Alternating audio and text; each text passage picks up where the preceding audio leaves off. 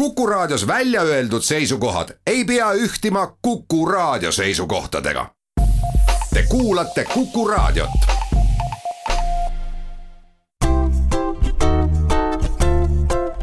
patsiendiminutid, Patsiendiminutid toob teieni Eesti Patsientide Liit. tere hommikust, hea Kuku kuulaja mina olen Kadri Tammepuu ja täna me räägime ravimitest, mis ühelt poolt saadavad korda imesid, pikendavad inimeste elu, aga teisalt, kui ravimit valesti kasutada või see ei ole näiteks piisavalt ohutu, siis äh, võib kuri olla karjas.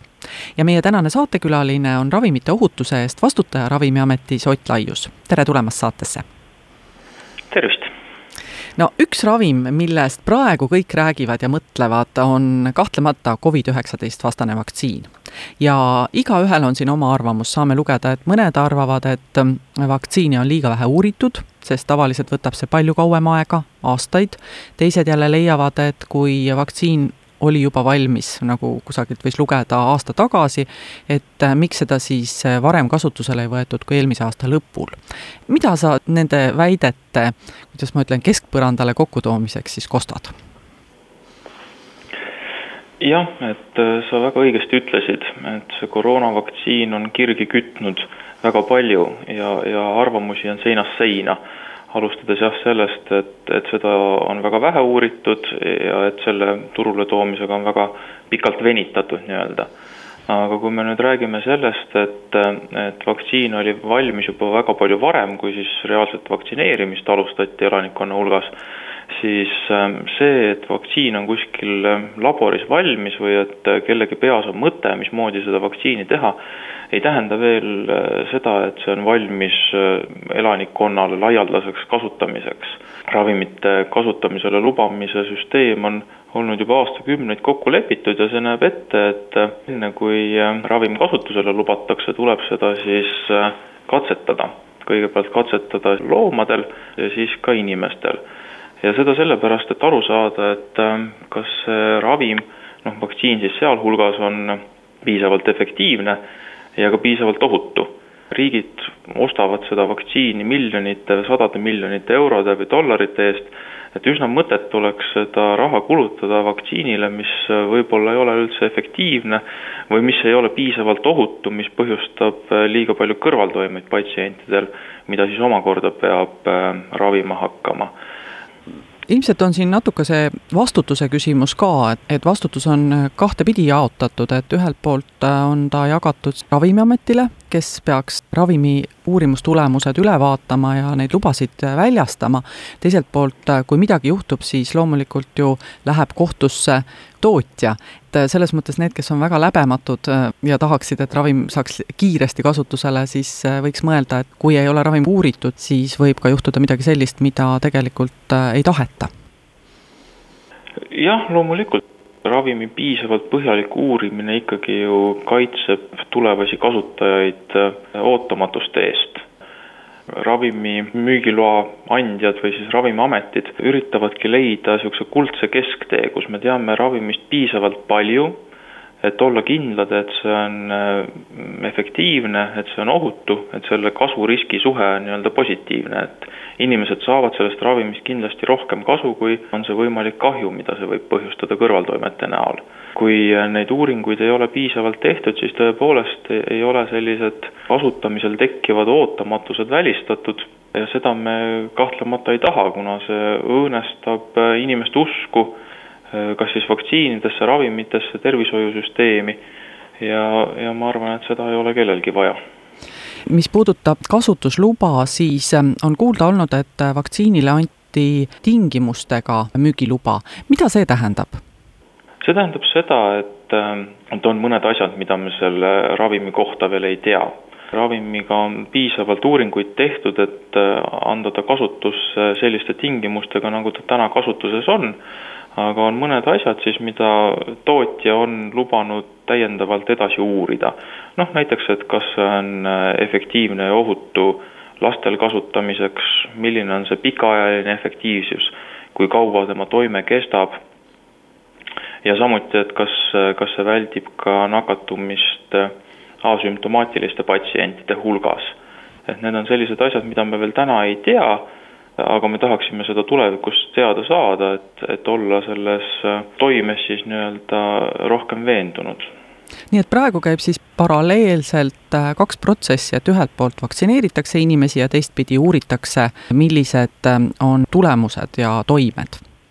noh, eelkõige uuritakse siis seda, et äh, kas ja kunas peaks inimesi uuesti vaktsineerima ja et kas saab kuidagi seda praegu vaktsineeritavate inimeste sihtrühma laiendada, noh näiteks siis lastele kohati on segane ka veel äh, see asi, et mis asi on kõrvalnäht ja mis asi on kõrvaltoime. et me kuuleme tihti, et äh, saatke ravimite kohta Ravimiametile kõrvaltoimete teatisi. kas kõrvalnähtude teatisi peaks ka saatma? no kõrvalnäht on, on pigem selline kliinilistes uuringutes või, või ravimikatsetustes kasutatav termin, kus kogutakse põhjalikumat infot. kõrvalnäht on siis äh, defineeritud kui igasugune soovimatu juhtum või toime, mis äh, ravimi kasutamise järgselt ilmneb, sõltumata sellest, kas see kuidagigi loogiliselt võiks olla ravimiga seotud või mitte. nüüd äh, päriselus või siis, kui ravim on juba müügiloa saanud, siis me tõesti kogume kõrvaltoimeteatisi ja see on siis selline soovimatu või kahjulik toime, mis on ravimi manustamise või vaktsiini manustamise järgselt tekkinud, kus siis võib kahtlustada seost ravimiga. See ei ole ka kinnitus kohe, et see kindlasti on ravimist põhjustatud, aga kus siis vähemalt arst või patsient ise kahtlustab, et see toime, mis tal tekkis, võis olla ravimist tingitud ehk et näiteks, kui tuua siin mõni näide, siis ähm, hiljuti ilmus äh, just meedias artikkel, kus räägiti, et äh, Norras äh, olid väga hapras seisus eakad, kes said vaktsiinisüsti ja mõni aeg peale seda surid. et kas seda võiks siis nimetada kõrvalnähuks, noh, versus siis näiteks, et mulle tehti süst ja siis see süste koht on paar päeva valus? põhimõtteliselt küll jah, et nende väga vanade hapras seisundis vanurite surma põhjuslikku seost vaktsiiniga ei, ei ole täheldatud. nii et me võime jah öelda, et see nüüd ei olnud tingitud vaktsiinist, see lihtsalt juhtus mõni aeg pärast vaktsiinisüsti saamist kui palju neid kõrvaltoimeid, näiteks kui me võtame Pfizeri vaktsiini nüüd, mida on siis süstitud juba tuhandeid, kui palju neid kõrvaltoimeid nende kohta on Ravimiametisse laekunud? Tänahommikuse seisuga oleme me saanud sada kuus teatist kõrvaltoimetest või, või, või siis võimalikest kõrvaltoimetest Pfizeri vaktsiiniga.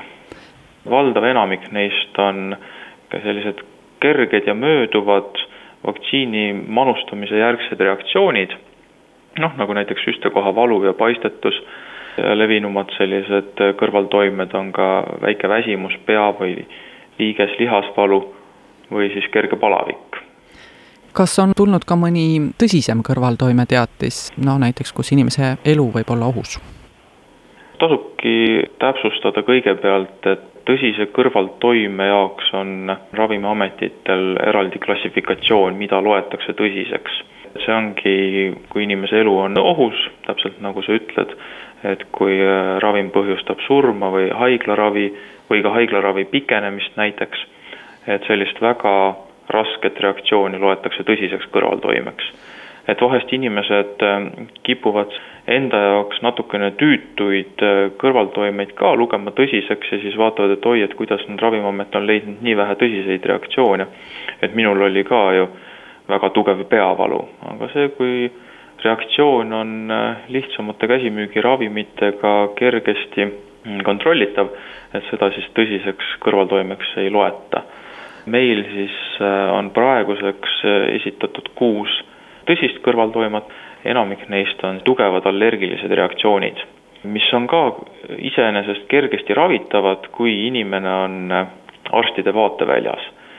et siinkohal tahakski siis panna südamele, et ikkagi tasub sellest soovitusest kinni pidada ja natukene aega arstikabineti ukse taga istuda ja, ja jälgida enesetunnet noh, ütleme viisteist, kakskümmend minutit, et juhul, kui midagi peaks kiiresti pärast vaktsiinisüsti tekkima, et siis oleks abile lähedamal nii et äh, tegelikult äh, see, et äh, see allergiline reaktsioon tekib päevi hiljem või tunde hiljem, et seda ei ole praegu väga teada saadud? see on vähetõenäoline jah, et selline tugev allergiline reaktsioon tekiks päevi pärast vaktsineerimist no täna me oleme Eestis ikkagi selles olukorras, et vaktsiine pigem meil ei jagu, kui see, et ähm, meil on vaktsiinid, aga keegi ei taha vaktsineerida ja paljud inimesed väga ootavad vaktsiine. millal võiks äh, saada müügiloa AstraZeneca vaktsiin? minu praegune teadmine on äh, see, et äh, Euroopa Ravimiameti inimravimite komitee arutab AstraZeneca vaktsiini taotlust jaanuari viimasel nädalal. kas ja, ja kunas see otsus inimravimite komitee poolt tehakse, seda me hetkel veel ei tea, küll on elu näidanud, et Euroopa Komisjon, kes siis lõpliku müügiloa välja annab, teeb selle otsuse väga kiiresti pärast Euroopa Ravimiameti inimravimite komitee arvamust. praeguse seisuga on mingisugust otsust, on see siis positiivne või negatiivne, oodata jaanuari lõpus. Läheme siit väiksele pausile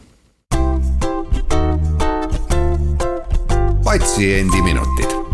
patsiendiminutid toob teieni Eesti Patsientide Liit.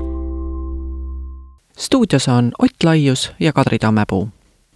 nüüd ähm, mõnikord tahavad ju inimesed ise ka rohkem ravimitest teada ja Ravimiamet on selles osas äh, olnud ju päris tubli, juba tükk aega on olemas ravimiregister räägi natukene lähemalt, äh, mida üks tavaline inimene sealt ravimiregistrist leida võib jaa, et mulle meeldib ikka öelda, et äh, ravimiregister on, on peaaegu et Ravimiameti nägu avalikkuse jaoks. ravimiregistris on kirjas äh, kõik ravimid, millel on Eestis müügiluba. ja palusin kolleegil eile just äh, meelde tuletada, et mis ajast ravimiregister juba olemas on ja, ja praegune teadmine siis on, et see on olemas juba aastast üheksakümmend seitse. ja peamiselt sealt siis leiabki inimene sellesama pakendi infolehe, mis on ka ravimikarbis. kui näiteks pakendi infoleht on kadunud või kui inimene tahab tutvuda mõne ravimi omadustega enne, kui ta selle apteegist välja ostab, näiteks kui arst on talle selle kirjutanud või, või keegi on soovitanud, et siis ta saabki minna ravimiregistrisse, mille veebiaadress on väga lihtne, ravimiregister.ee ning vaadata järgi, et mida selles pakendi infolehes kirjutatakse, et kellele see ravim sobib, kuidas seda võtta, millised on ta näidustused, millised on vastunäidustused, millised on võimalikud kõrvaltoimed. et see kõik info on ravimiregistrist leitav. ravimiregister läbis ka uuenduskuuri. mis nüüd siis täpsemalt seal muutunud on, mida enne ravimiregistrist ei leidnud? tahtsime eelkõige käia ajaga kaasas ja muuta ravimiregistris oleva info lihtsamini kättesaadavaks ja leitavaks. et info suures plaanis on sama, mis seal varasemalt oli, aga suur muudatus on eelkõige see, et nüüd on ähm, ravimiregister mugavalt kasutatav ka mobiilsetes seadmetes. ehk siis, et äh, inimene saab bussipeatuses oodates või arstikabineti ukse taga oodates või, või liikumises olles ka ravimiregistrit mugavalt kasutada. et varasem äh, kahjuks äh, väiksemate ekraanidega ei kohandunud samuti muutsime selle nii-öelda kuva või, või vaate, mis ravimiregistris kasutajale avaneb, informatiivsemaks, ehk siis et nüüd, kui mõnda ravimit otsida või mõnda toimeainet, siis äh, see info, mis kohe iga konkreetse preparaadi kohta näidatakse, et see on informatiivsem. inimene näeb kohe ära, kas sellel ravimil on kehtiv müügiluba, millal ja kas seda on viimati Eestisse toodud, ega sellel juhuslikult parasjagu mõnda tarneraskust ei ole kas see on retsepti- või käsimüügiravim, kas on mingisuguseid täiendavaid ohutusküsimusi, mida tähele panna selle ravimiga. et see on nüüd kohe kergemini leitav ja, ja lihtsamini haaratav silmale kui, kui varasemas registris no väga põnev. Äh, nüüd see, mis puudutab näiteks äh, lapsi või rasedaid, imetavaid emasid, et äh, see info on tavaliselt olemas seal ravimi juures, aga mõnikord tekitab küsimusi näiteks, et kas eakas võib seda ravimit kasutada. kuidas siin infot leida? jah, et see sihtrühmade info on kõik pakendi infolehes kirjas. pärast ravimi ülesotsimist üks klõps, pakendi infoleht lahti ja ja sealt leiab selle info hõlpsasti kätte, et eks eelkõige, kui me räägime retseptiravimitest, on, on arst see, kes juba hindab, et kas konkreetsele patsiendile mingi ravim sobib või mitte, aga käsimüügiravimi ostmisel saab iga inimene seda ise hinnata ja, ja eelnevalt nii-öelda kodutööd teha, kui, kui apteeki suunduda. noh, loomulikult tasub äh, apteekriga ka üle arutada kõik need äh, küsimused, mis tekivad pakendi infolehe lugemisel ja ja arutada läbi, noh kas või näiteks äh, tihtipeale ju inimesed räägivad, et, et võtsid pakendi infolehe lahti ja seal oli kohutavalt pikk nimekiri kõikvõimalikest hirmsatest kõrvaltoimetest. Et ma arvan, et see ongi selline koht täpselt, et, et kui on varasemalt selle pakendi infolehega tutvutud, et siis saab apteekriga läbi arutada, et, et millised on nüüd need kõrvaltoimed, mida kindlasti tuleks tähele panna ja et mis nagu siis selle ravimi kasutamise juures eriti oluline on. kas ähm, ravimiregistris on näha ka, kui palju ravim maksab? seda infot hetkel, et kui palju konkreetselt Mm, ravim maksab, äh, ravimiregistris ei ole. seal on küll näidatud, äh, et mis on ravimi see nii-öelda kokku lepitud piirhind, mille Haigekassa on kehtestanud, et mis on see maksimaalne ravimi maksumus, mille eest Haigekassa maksab ja seal on ka välja toodud piirhinna alused ravimid. ehk siis, et samas toimeainerühmas, milline ravim on kõige odavam patsiendil osta. aga ei ole seal infot et kui palju siis konkreetselt iga preparaat maksab.